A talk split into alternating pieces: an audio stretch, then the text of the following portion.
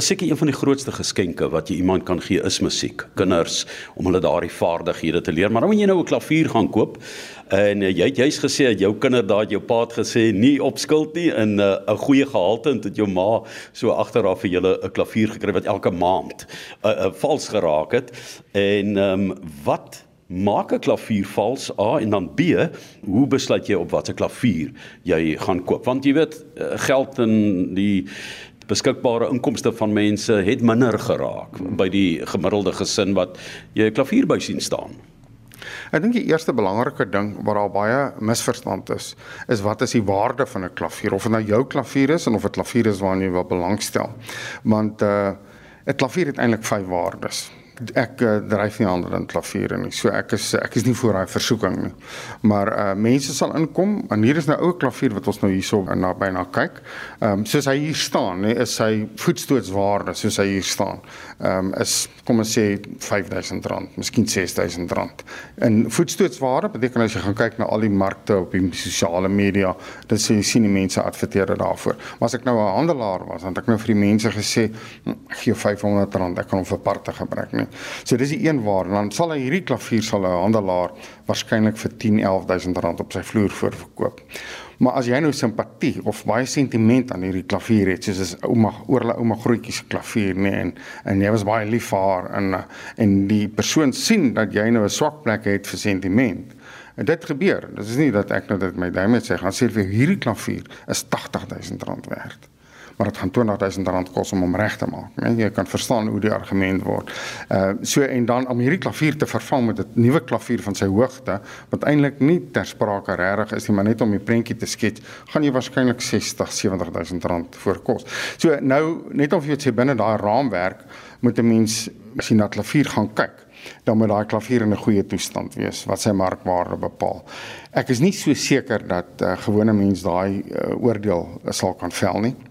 En wat my advies gewoonlik is vir mense wat van ver af my bel, kry 'n betroubare klavierstemmer en sê dat hulle met daai klavier gaan inspekteer en moontlik stem ook want as hulle hom stem dan kan hulle kyk van hierdie 220 penne watter van hulle is los. En ek het nie net ou klaviere gekry wat hierdie probleem het nie.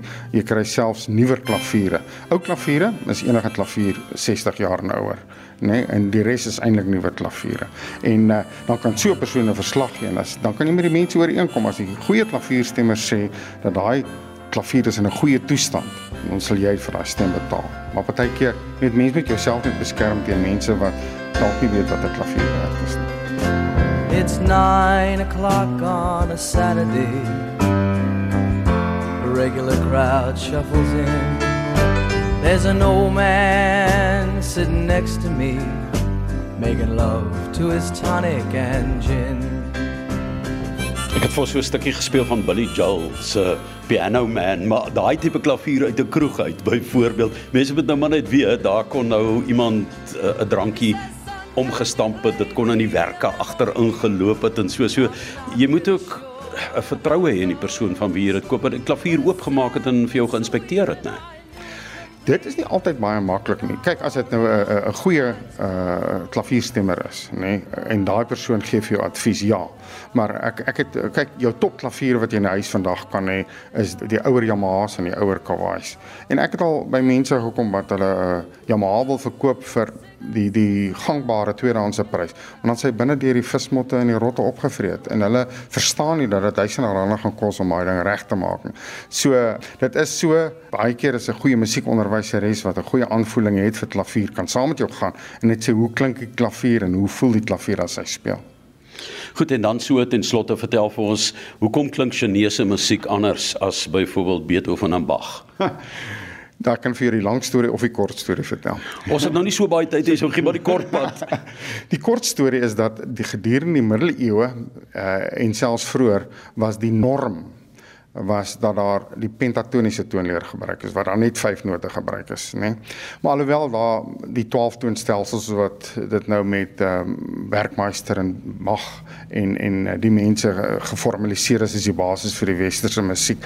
Eh, die het al reeds dink 300 voor Christus het al in China sulke ingestemde klokke gekry. So daar was eksperimentele. Maar rondom die 5 noot toonleer, ek gaan ek gou vir jou hierson net 'n uh, speel.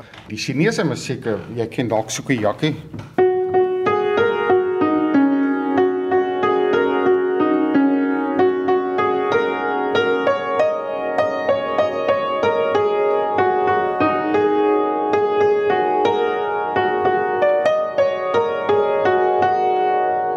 Kom die karate. en dan die interessante ding, kerkklokke kom ook uit daai tyd uit. En so jy gaan nou hierdie ding herken ook op die 5 toon toonstelsel.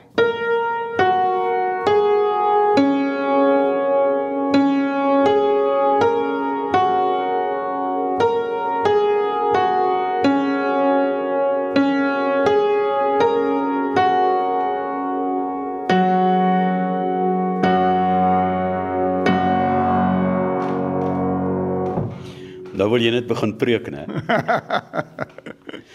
en so die uh, westerse tipe van styl, jy sê 5 het na 12 toe gegaan. Ontwikkel. Ja, hy het na 12 ontwikkel en daar was baie eksperimente gewees rondom die toon uh, verhoudinge onder mekaar. En wat baie belangrik was en ek dink eintlik nog steeds baie belangrik is, is dat die mense se strewe na perfekte intervalle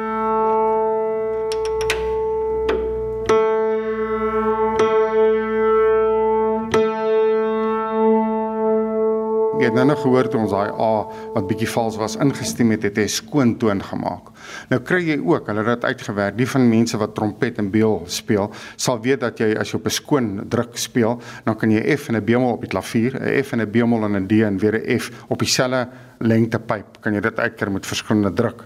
Nou die die beginsel daarvan is dat in intervalle, noem dit byvoorbeeld tussen 'n C en 'n G, wil jy ook daai skoon klank hê. En hulle toe aanvanklik net voordat hy nou geformaliseer is op die gelykswewende uh, temperament het hulle die 12 tone ingestel dat in elke interval is daar 'n skoon klank, geen swewinge of vibrasies nie, skoon klank. En dit het 'n nadeel gehad as jy byvoorbeeld op C begin het en jy stem hom in hierdie perfekte intervalle en dit het nou te doen met die feit dat daar willekeurig 12 tone gekies is wat nou hierdie oktaaf nou tussenin sal beslaan of 12 trappe het hulle toe nou gehad dat as jy nou by die C begin en jy stem op en jy kom weer by die laaste interval by jou C weer betrokke moet kry met 'n ander noot, dan gaan dit nou gebeur dat daai daai C wat jy dan instem daarbo klein bietjie laer is as die C wat jy mee begin het. En nou daai ding het hulle Pythagoraanse komma genoem wat sê dat jy kry C en jy kry B kruis wat presies dieselfde noot is. Maar so het hulle ingestel ons gaan van elke interval ons 'n klein bietjie steel sodat elke trappie in hierdie 12 toonstelsel presies ewe ver van mekaar af is. microphone smells like a beer. And they sit at the bar and put bread in my jar and say, Man, what are you doing here? Oh, la la la, did it da. La la, did it da, da da. Sing us a song, you're the piano man. Sing us a song tonight.